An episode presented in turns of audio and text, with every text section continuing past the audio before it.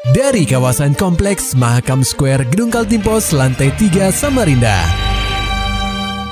96,8 KPFM. Kita akan ikuti program KP Flash News.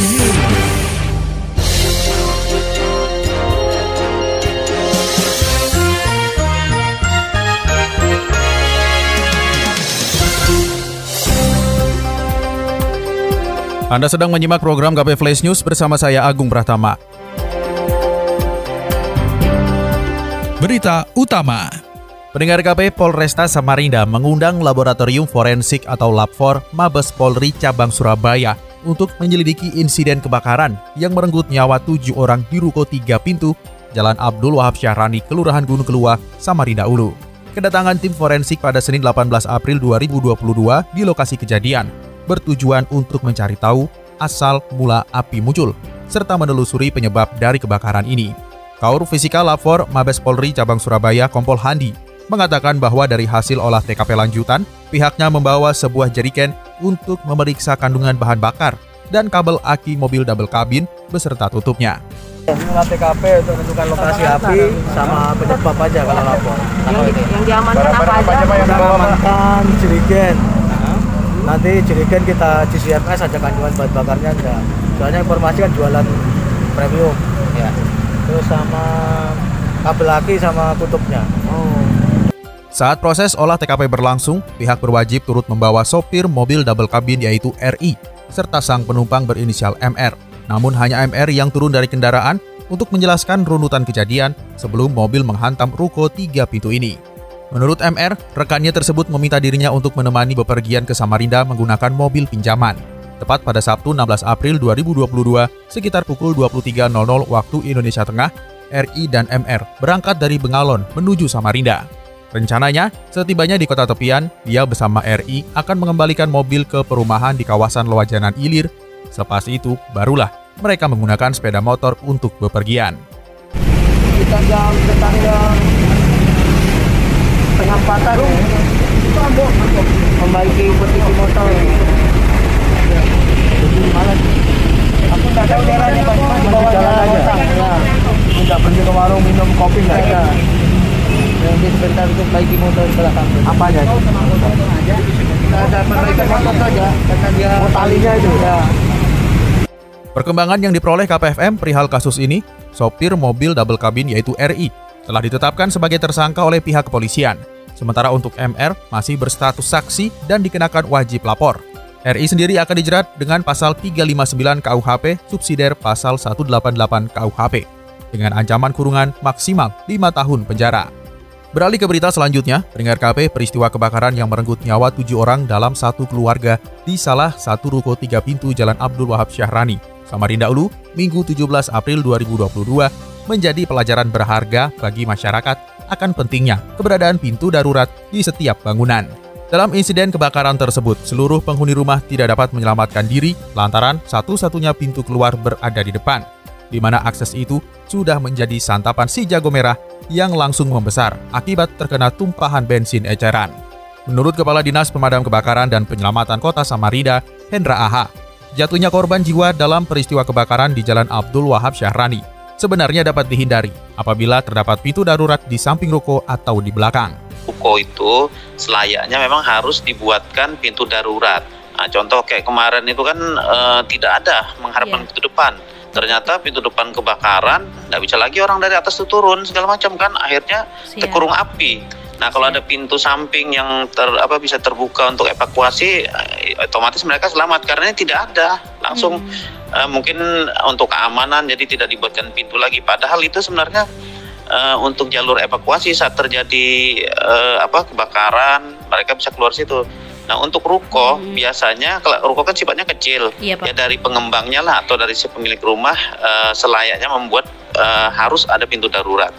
Di sisi lain, Hendra juga menghimbau kepada masyarakat agar selalu menyediakan alat pemadam api ringan atau APAR di dalam rumah, ruko, atau bangunan bertingkat lain.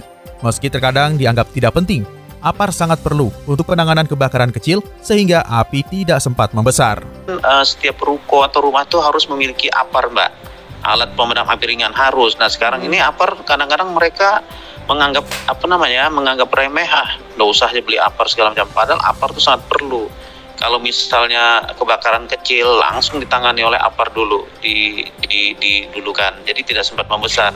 Nah kalau kejadian kemarin kan itu di luar di luar apa ya istilahnya?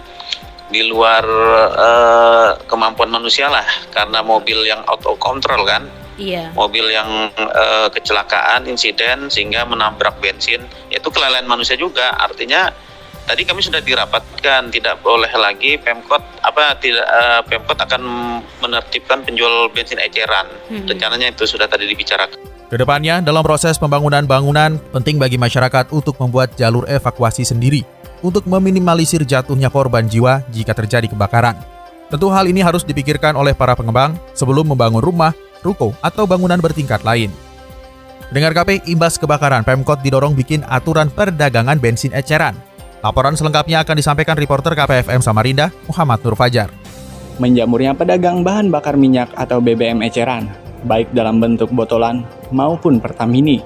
Tim Wali Kota Akselerasi Pembangunan atau TWAP Samarinda mengadakan rapat pembahasan bersama lima organisasi perangkat daerah atau OPD perihal hal tersebut pada Senin 18 April 2022. Dalam pertemuan itu, Ketua TWAP Samarinda, Syaparudin menerangkan bahwa terdapat beberapa rekomendasi yang dihimpun untuk disampaikan kepada wali kota nantinya. Pertama, merekomendasikan kepada wali kota untuk mengeluarkan surat edaran kepada Pertamina dan stasiun pengisian bahan bakar umum atau SPBU. Merekomendasikan kepada Pak Wali Kota Samarinda untuk mengeluarkan surat edaran kepada pertama Pertamina, yang kedua SPBU, sebagaimana kita ketahui bahwa uh, pedagang eceran minyak baik botolan maupun Pertamina ini berawal uh, dalam bacaan kita dan pemahaman kita itu berawal dari SPBU. Kedua, merekomendasikan kepada wali kota untuk mengundang OPD terkait, termasuk dari TNI Polri, Dinas Energi dan Sumber Daya Mineral atau ESDM, pengusaha SPBU, Pertamina, BP Migas, serta OPD di lingkungan Pemkot Samarinda untuk membahas maraknya perdagangan bensin eceran di Samarinda. Terakhir, pihaknya meminta kepada wali kota untuk segera membentuk satuan tugas atau satgas guna melakukan penertiban kepada pedagang bensin eceran dan melakukan pemantauan terhadap perdagangan BBM di kota tepian. Syaparudin menjelaskan, tindakan ini merujuk pada maraknya insiden kebakaran yang terjadi terhadap pedagang bensin eceran, baik yang menjual secara botolan ataupun pertamini. Harapannya, wali kota bersama stakeholder terkait dapat membuat sebuah peraturan daerah atau perda yang mengatur aktivitas perdagangan bensin eceran atau barang berbahaya lain.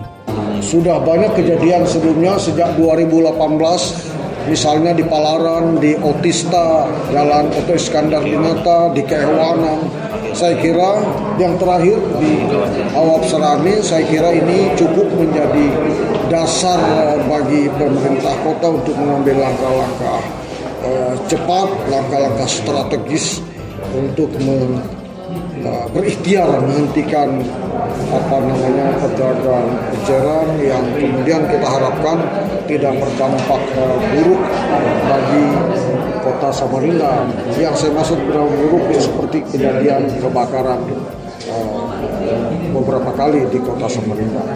Lebih lanjut, seluruh rekomendasi yang sudah dicanangkan oleh TWAP akan segera diteruskan kepada Wali Kota Samarinda, Andi Harun. Nantinya orang nomor satu di kota tepian inilah yang akan mengambil keputusan perihal rekomendasi tersebut. KPFM Samarinda, Muhammad Nur Fajar melaporkan. Pendengar KP, posisi kepala dan wakil kepala otorita Ibu Kota Negara atau IKN Nusantara telah terisi. Pelantikan secara resmi bahkan dilakukan Presiden Joko Widodo beberapa waktu lalu. Bambang Susantono sebagai Kepala Otorita IKN Nusantara dan Doni Rahaju sebagai Wakil Kepala. Namun, masyarakat Kaltim menginginkan adanya orang daerah Bumi Mula Warman yang terlibat di dalam badan otorita IKN.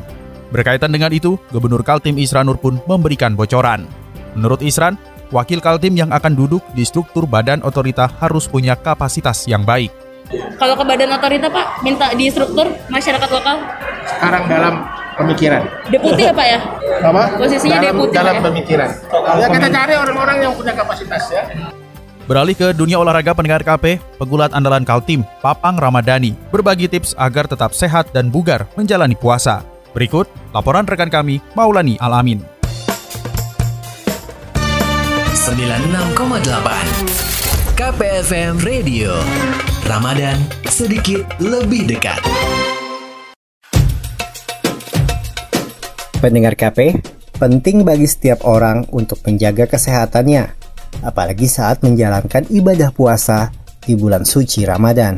Atlet gulat Kaltim, Papang Ramadhani, berbagi tips bagaimana menjaga kebugaran tubuh saat menjalankan ibadah puasa.